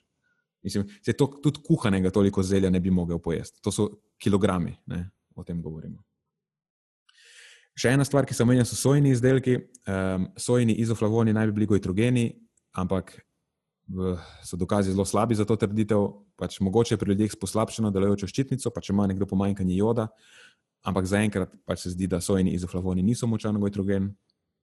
Ena stvar, ki pa ljudje ne vejo, proso, proso, če ga jemo zelo dost, bi potencialno lahko bilo problematično. Um, to zdaj govorimo problematično za nekoga še zdravo ščitnico. Um, ampak spet, to bi ful bi enega prosa mogel človek pojesti. Eh, vemo, da je neka ta ruralna področja Afrike in Azije, ki imajo tako zelo suho podnebje, eh, tam recimo energijski vnos eh, v veliki meri predstavlja to neko proso, ki ga tam gojijo, in tam imajo veliko endemično gaušavost. Torej, to je nekdo, recimo, ki tako vsak dan je proso, mogoče ni kul, uh, cool, ker vemo, da proso vsebuje en, uh, spet je en uh, sorodna, sorodna eh, kemikalija, je kot unisojni izoflavoni. je C-glikozil flavon, pa, ki pa deluje zanimivo. Zakaj sem to šel preverjati, ker se mi je zdelo super zanimivo. Deluje v bistvu podobno kot zdravilo, ki ga uporabljajo pri um, nadzorovanju hipertiroze, ne, ta metimazol oziroma tiamazol, kakorkoli moramo reči pri nas. Um, ok, ja, pa pa še recimo kasava, naj bi bila goitrogen, uh, ampak spet mi je bilo zanimivo, ker je uh, ta stvar povezana z en, en, en, eno zelo toksično sestavino, ki se ji reče ta cianogeni glukozid in zaradi tega kasavo pol ful pripravljajo, preden jo jejo. Tako da, če bi kdo recimo hotel s tem nadzorovati svojo hipertirozo, bi prej umrl najbrž. In potem naprej se še omenjajo rašidovo olje, pa vodna hiacinta, v glavnem, pa tudi čebulnice, čebule in česen, pa vse take stvari. In da pripeljemo to stvari do konca, do absurda, ne tudi okužba z uh, nekimi sevi ešerije koli in pa ešerihije koli in pa um, neki okoljski onesnaževalci, več vse to zavira delovanje ščitnice. Tako da pač s tem najbrž ne bomo šli nadzorovati svoje hipertiroze. Ne? V glavnem, tudi če ti, če to pravimo zdaj povzeti, vse skupaj v nek smisel zaključek, tudi če ti goitrogeni lahko znižajo aktivnost ščitnice, ne? zakaj zdaj ni pametno uh, z njimi to delati na mesto, iti po zdravilo. Pač, če bi jaz imel hipertirozo, bi sigurno pač tako. Sto procentno ne bi rešitve iskal, tako pač rečemo, da je mošala bajzersko v nekih živilih, ne, ker vemo, da pač v živilih so prisotni različni goitrogeni, ki delujejo po različnih mehanizmih, um, tudi osebnost njihova je nepredvidljiva, in na koncu v bistvu nimaš pojma, kaj točno se dogaja, in lahko samo upaš, da si zadev ustrezno snov in sproti držiš pesti, da je pač vse skupaj vsaj približno učinkovit odmerek. Ne, poleg tega pa potem so v teh živilih še druge snovi, kot recimo v kasavi, um, in za katere sploh ne veš, kaj delajo, lahko so tudi nevarne, in pol, v bistvu, celo to početje je precej nevarno. Veš, pa imaš pa po drugi strani, greš k zdravniku, mu rečeš, to je moj problem, on bo naredil nek test in ti bo dal nadzorovan, preverjen in super natančno odmerjen odmerek zdravila. Ne? Ki na koncu v bistvu deluje po istih mehanizmih, ki une vse kot in kot narave, naravne snovi, ki ne si jih hotel iti jemati, zato ker nisi hotel iti po zdravilo. Ne, ali pa, no, se, ali pa tudi kako drugo um, znanstveno utemeljeno terapijo, ki bo pač zah, ki bo zahtevalo zdravljenje. Uh, hipertiroze. Tako da upam, da je bilo, upam, da je bilo to dovolj. No, po mojem, je bilo to dovolj. Dobro, ne na tleh. Uh, mislim, da si, si za ta uh, izčrpen odgovor zaslužil dve kljukici, pa še eno štempilko. Uh, zdaj, kot drugo, ko smo se dan začeli pogovarjati, prej smo začeli snemati, nisem pričakoval, da se bo danes pogovarjala o ohrotovih smutih, Tako da pričakujem en recept, potem ko zaključiva snemanje. To je kaj za unike, ki imajo hipertirozo. Pa bom jaz proval za hec. Bomo en, našli en, bomo našli en, en, en smudi, en, oziroma en ohrov, ki ima tako zelo natančno določeno vsebnost teh gojtrogenov in bomo naredili zdravilo iz tega, ne šalim se. Uh, ja, še enkrat na tej točki, če ima kdo kakršne koli probleme z ščitnico, pač naj gre k zdravniku, ne, pač ne poslušati najnega mnenja. Mi dva nisva uh, specialista medicine ali česar koli povezanega. Uh, mi dva sam interpretirava, kaj nekako, ne, probava interpretirati, kaj pravi znanost, um, pač ne moramo pa svetovati na tem področju. Tako, definitivno.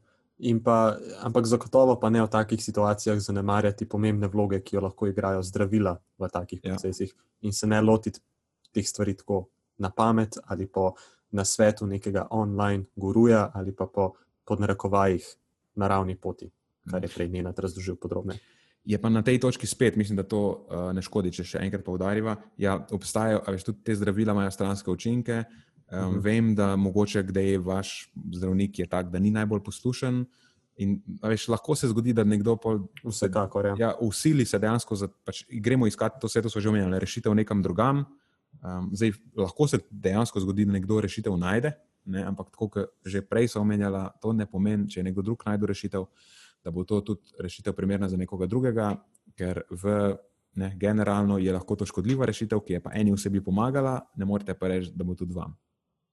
Ne, lahko je, če jih je deset iskati rešitev, enemu pomaga, devetim ne pomaga, a pa jim celo škodi. In vi sprašujete tisto, osebo, glih eno, ki jim je pomagala, sam vi niste tista ena, ampak ste ostalih devet. Mhm. In okay. praviloma se to tako zgodi. Tako, deva, ja, de, deva okay. te dve kljubci potrditi, pa gremo naprej. Ja, zdaj, ko smo vse disclaimerje povedali, se lahko nadaljujemo. Ja, to ima feeling, to bo spet eh, maratonska epizoda.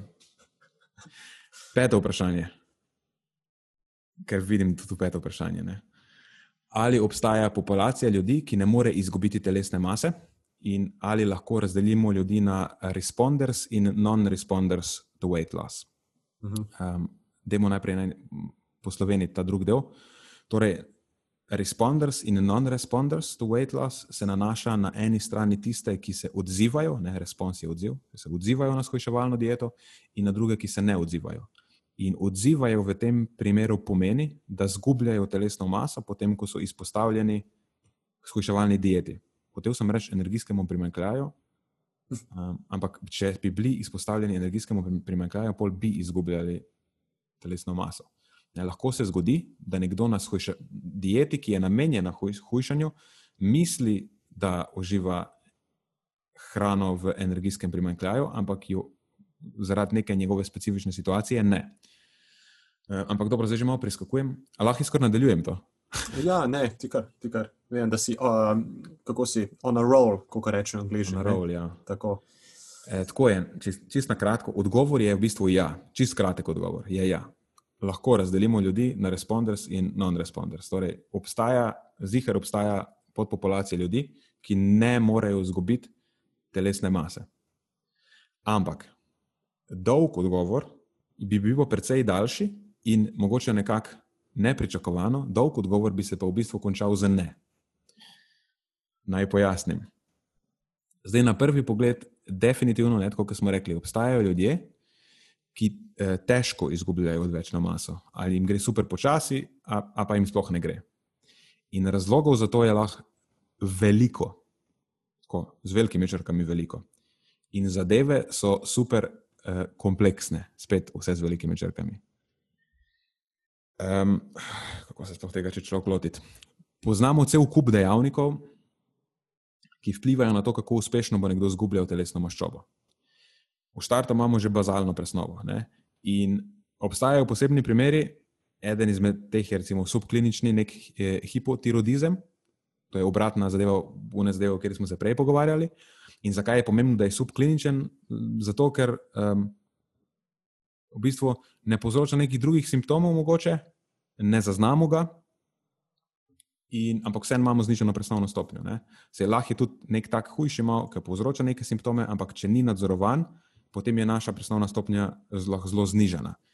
Če pa nekdo jemlje potem uh, ščitnične hormone oziroma jih nadomešča, načeloma pa to več ni problem. Ne? Tako da nekdo, ki ima probleme s ščitnico, uh, v smislu, da je imel hipotirozo in zdaj jemlje ščitnične hormone, načeloma to potem več ni problem.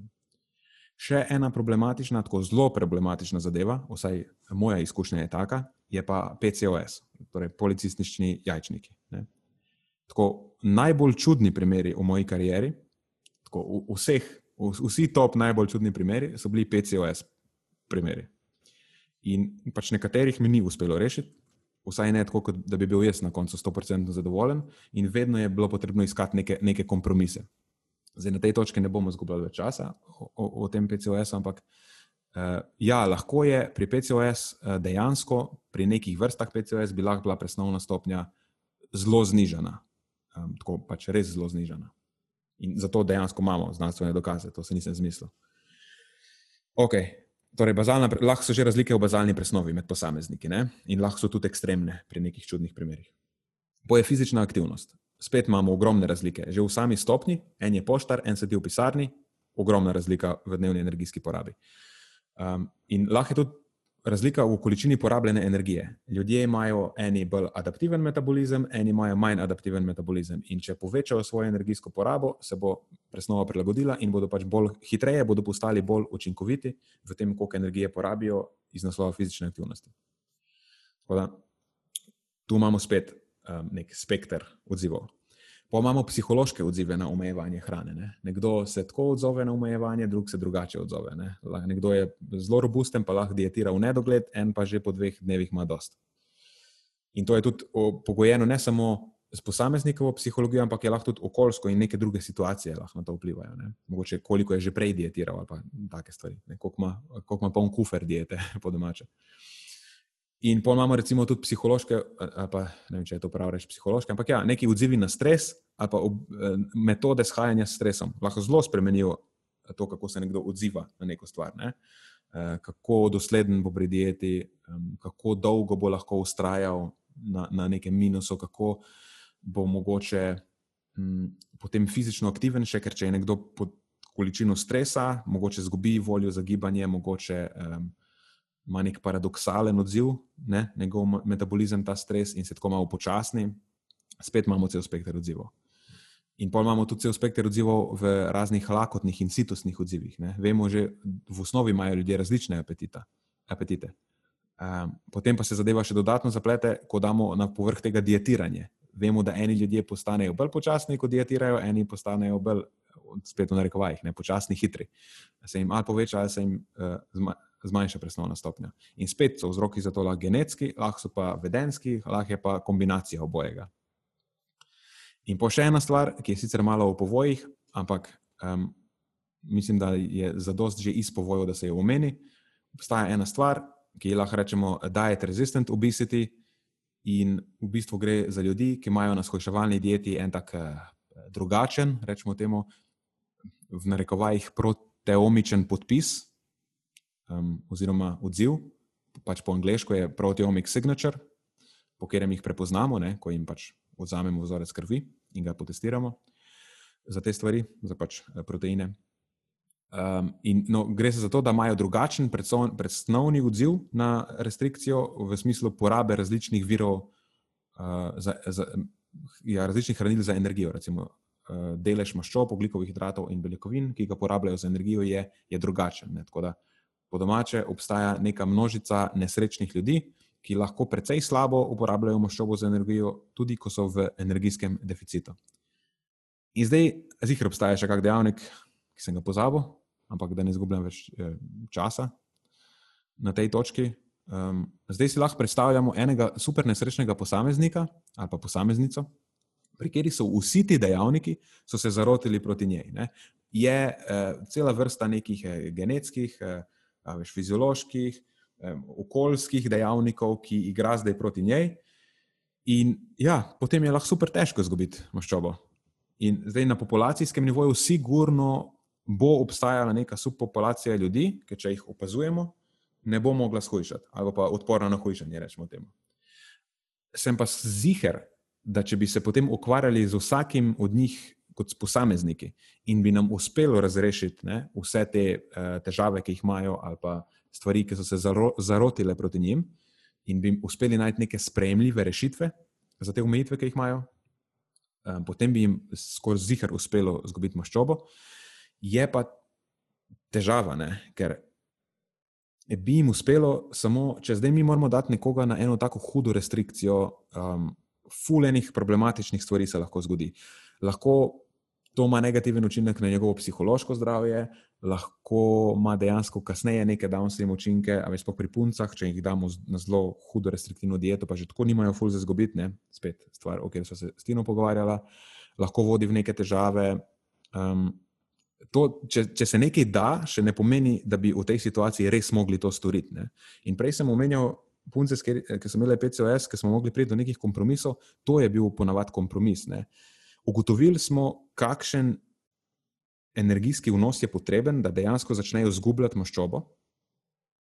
Um, in pa smo naredili cost-benefit kalkulacijo, in nekako smo se pač mogli strinjati, da v tej trenutni življenjski situaciji um, ne morejo vzdrževati tega energijskega vnosa na tako nizki stopni, um, ali pa nimajo zadost motivacije, da bi to, motivacija ni prava beseda, pač ni človeško, da vzdržujejo to toliko časa in tudi niso zadovoljne z uh, stopnjo napredka, kako počasi to gre.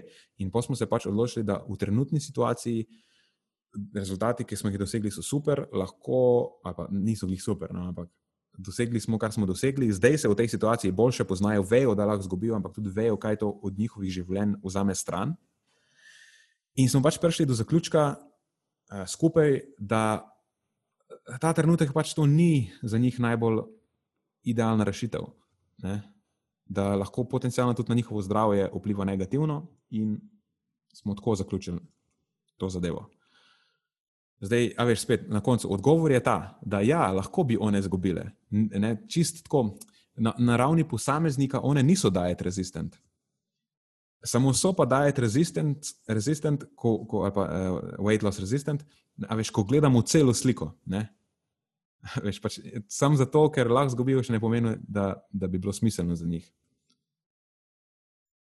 Ja, definitivno. Uh, pomembno je vedno, vedno v vsaki situaciji v življenju pač treba narediti to kalkulacijo prednosti in pa slabosti. In če se enostavno računica ne izide, potem je brez veze riniti v prazno. Um, mogoče bi samo to omenil, da te težave, o katerih govoriš, ne, recimo PCOS in podobno, pač prizadene, lahko rečemo, dokaj na srečo, ne, dokaj majhen delež ljudi.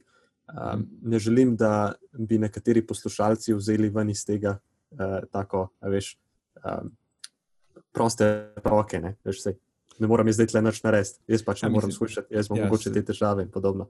Se, se veš, kaj mislim. Um, v, v osnovi za večino nas velja to, da ja, lahko shujšamo. Uh, obstaja pa seveda tak subset posebnih populacij, ki nesrečniki, če jim lahko tako rečem, ki jim pač narava ni dala teh uh, ugodnosti. Ne. Ja, niso nadarjeni za hujšati, po domače. Niso nadarjeni za hujšati. Sej, ja. pač, sej, te eh, take obrobne situacije, kot mislim, vse PCOS, mogoče ni obrobna, ker je delež punske ima neke simptome. Ni tako recimo, nizek. Ne? Niti ni tako zelo nizek, je pač je, še vedno relativno nizek, ne? ampak to je tudi neka stvar, ki se jo pač da preveriti, so kriteriji za to. Ne? To si ne diagnosticiraš sam. Ja, to je samo en del, veš, en del enačbe. Imamo tudi primere, ki so imele punce PCOS, pa so čisto lepo izgubljale telesno maso. Um, to je bolj težava, ko se vse te stvari zarotijo proti tebi. -hmm. Pa ja. delež, večji delež teh stvari. Jaz mislim, da lahko na tem uvalu naredimo šesto, prehod, šesto vprašanje odgovoriva, ki pa gre tako: ne? ali imam lahko zaradi zgodovine dietiranja in preizkušanja skrajnih diet uničen metabolizem?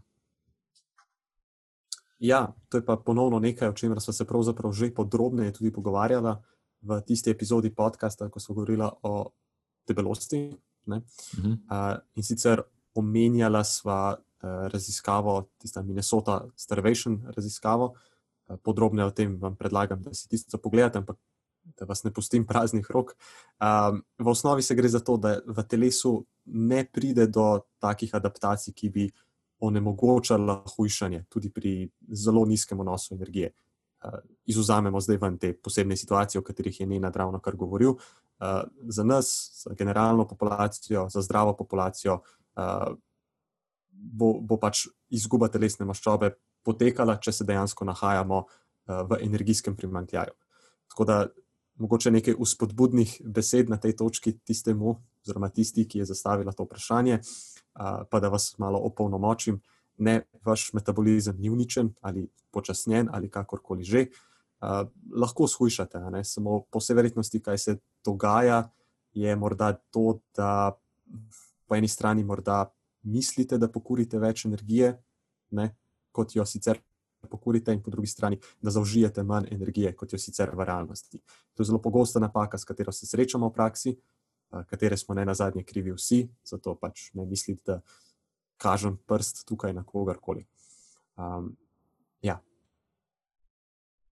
Bi tukaj kaj dodal, ne? Ja, mogoče to, da Okay, prva stvar je to, da ja, do, do nekih prilagoditev lahko pride, ne, temu rečemo adaptivna termogeneza in to se zgodi tudi pri zdravih ljudeh. Tudi pri tistih, ki, zelo, uh, ki jim je bila narava zelo naklonjena, ko je uh, podarjala gene za dobro hujšanje, ali pa za, ne, da so, imajo zelo velik, velik talent za hujšanje. Lej, pri vseh pride do neke manjše adaptacije in do tega pride pač v vseh komponentah energijske porabe, bolj manj energije porabimo, ko se gibamo, presnovna stopnja, bazalna presnova se prilagodi. Ampak, kot si fajn povedal, je neka meja. Ne, Nobe, ne more se telo prilagoditi tako, da nasprotuje zakonom fizike. To se pač ne da. Um, in ja, dobra novica je to, da lahko si povrneš. Tudi, tudi če pride do, neke, pride do neke adaptacije, lahko si povrneš uh, bazalno, normalno bazalno porabo. Uh, se mi pa zdi na koncu bi sam to izpostavil, da bolj kot metabolizem si lahko uničiš voljo, voljo za dietiranje. E, punca je bila, ki je postavila to vprašanje. E, če, če si že tako naveličana, da ne zdržiš niti recimo dva tedna deficita v kosu, potem čist možno, da ustvarjen deficit enostavno ne bo dovolj velik, da se zgodi nekaj konkretnega. Ne? Še posebno, če, če že v osnovi štartaš z, neki, z nekih adaptacij, za kere, zaradi katerih je tvoja presnova še nekoliko nižja, kot bi bila v osnovi. Ali pa po drugi strani, recimo, če po nekaj dneh deficita potem kompenziraš s prenajedanjem. Ali pa v kombinaciji obojega, ne? pa sploh ni težko videti, kako lahko jaz dietiram en cel teden ali pa še več, pa pa en dan ali pa dva malo uidem zvajeti in se mi sploh ne zdi dost, ampak glih to, da predelam mogoče kakega jurčka suficita, ne preseška. Zadost je, da zapolni vsaj polovico tega. In pač tisoč kalorij deficita se ne bo poznalo, ker to je tako, pač ena usmina kile, ne, ki tega ne moreš na tehnici izmeriti tudi če nadaljuješ še en teden, ta isti, ali pa tudi če dva tedna nadaljuješ, je to še zmeraj samo tri osmine kile, ki je ne vidiš na tehnici, in pol po enem mesecu pač obupaš. Tako da pogosto se to zgodi. Imáš uničeno voljo za dietiranje ja, in pač nisi dosledno v zelo velikem deficitu. Ker tudi ljudje imajo pač eh, tako malo eh, pokvarjeno predstavo o tem, kako hitro dejansko lahko, kako smiselno je pričakovati neko izgubo v nekem obdobju časa. Ne. Pač moraš pridelati enega deficita, skoraj 8000 kalorij, da lahko vidiš izgubo, realno izgubo ene kile maščobe. Ne. Nekje to okolje. Sej ta enačba ni, ni popolna, ampak je zelo dobra za ta primer. To moraš zelo, zelo dosledno, sploh če že v startu nimaš velike energijske porabe, moraš zelo dosledno vzdrževati nek energijski primankljaj. In pa ga ne moreš zapolniti v dveh dneh. Ne? Ker pač, če ga zapolniš, pol, vse, če, ga, če, če ga del zapolniš, pol pač to delo je šlo, šlo unične, kljub temu, da je nekdo bil deset dni, recimo, v deficitu. Ne? Če je to deset dni on, pa des, dva dni off, ki nista glih zelo kulturna, je to v bistvu efektivno lahko samo vem, tri dni on, ko naredimo matematiko na koncu. Mhm. In potem se vse skupaj še dodatno zavleče. Yes. Ja. To je po mojem to. Ja, izjemno nestrpni smo iz tega vidika. Ja. Ja. Zato je skozi na začetku, ko pridejo stranke, skozi naredimo matematiko, veš, pač neka realna pričakovanja. Ne? Je treba že na začetku ustanoviti, ker drugače je sam nezadovoljstvo skozi proces. Ne? Po pa po ja. drugi strani, ampak enkrat, ki pa gremo čez to, vemo, kaj lahko pričakujemo, a veš, po je pa fajn, ko oni vidijo, da A veš, je vsak teden tako, kot je, kot je ne nadpovedal. Ne? Oh, ja, to je pa zdaj kul. Cool, če so pričakovali, če bi v štartu pričakovali šest kil na, na mesec, a veš, a jih ni bilo, to je pa polno tako. Motivacija hitro pade. Ja, ja pa pol, pol sem jaz skril. Skratka, hitro... pri, pri tebi dobijo ne samo prehranske nasvete, lifestyle nasvete, ampak tudi biologijo, matematiko, vse, komplet. Temu, kako temu rečejo v teh turističnih aranžmajih, all inclusive. All inclusive. lahko lahko boni izkoristimo pri tebi. Ja. Ej, ne vem, ali nam bodo dali kakšne fitness bone. Ali pa naredimo tako, da lahko prespiš v pisarni z zajtrkom. Obljubimo, da bo fit zajtrk. Ja. Poln, poln beljakovin. Yes. Okay, Ej, a nam je uspelo to končno pripeljati do konca? Uspelo, uspelo. Bravo. Um, če se ne motim, je to jubilejnih 20? Tako je, jubilejnih 20. Dajem ti virtualni uh, handshake in high five. Nazaj. nazaj. Dajem ti ga nazaj. uh, še ena stvar moram povedati. Moram se, moram se udovžiti za tole, ker sem v prejšnji epizodi pozabil se zahvaliti dvema da, dragima prijateljema in več kot očitno podpornikoma podcasta, to sta Lorenz in Nec, ki sta mi zrihtala novi mikrofon. Ja, točno. To pa definitivno. To sta sponzorja. Sta. Tako, sponzorja sta. E, tako da hvala lepa, Nec in Lorenz. Um, upam, da se razlika v zvoku opazi. Bomo še videli nekaj teh e, gličev, moramo z njim še malo po, poglihati. Ampak po mojem se kar opazi. V pravi smeri. Po mojem se kar opazi, veš. Super, super, me veseli. Ok, Matjaš, narediva konec temu. Tako. To je to. Ajde. Lepo bodi.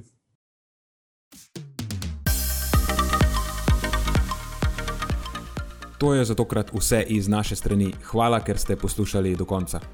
Če mislite, da je bila današnja epizoda pomembna, jo prosim delite s svojimi znanci in prijatelji in jo priporočajte dalje, saj s tem omogočite, da doseže čim večjo množico. Hvala vsem, ki nas podpirate s članarino in tudi vsem ostalim, ki delite podcast dalje in nam izkazujete naklonjenost z visokimi ocenami in pozitivnimi komentarji. Se slišimo prihodnjič, do takrat pa ostanite premišljeni.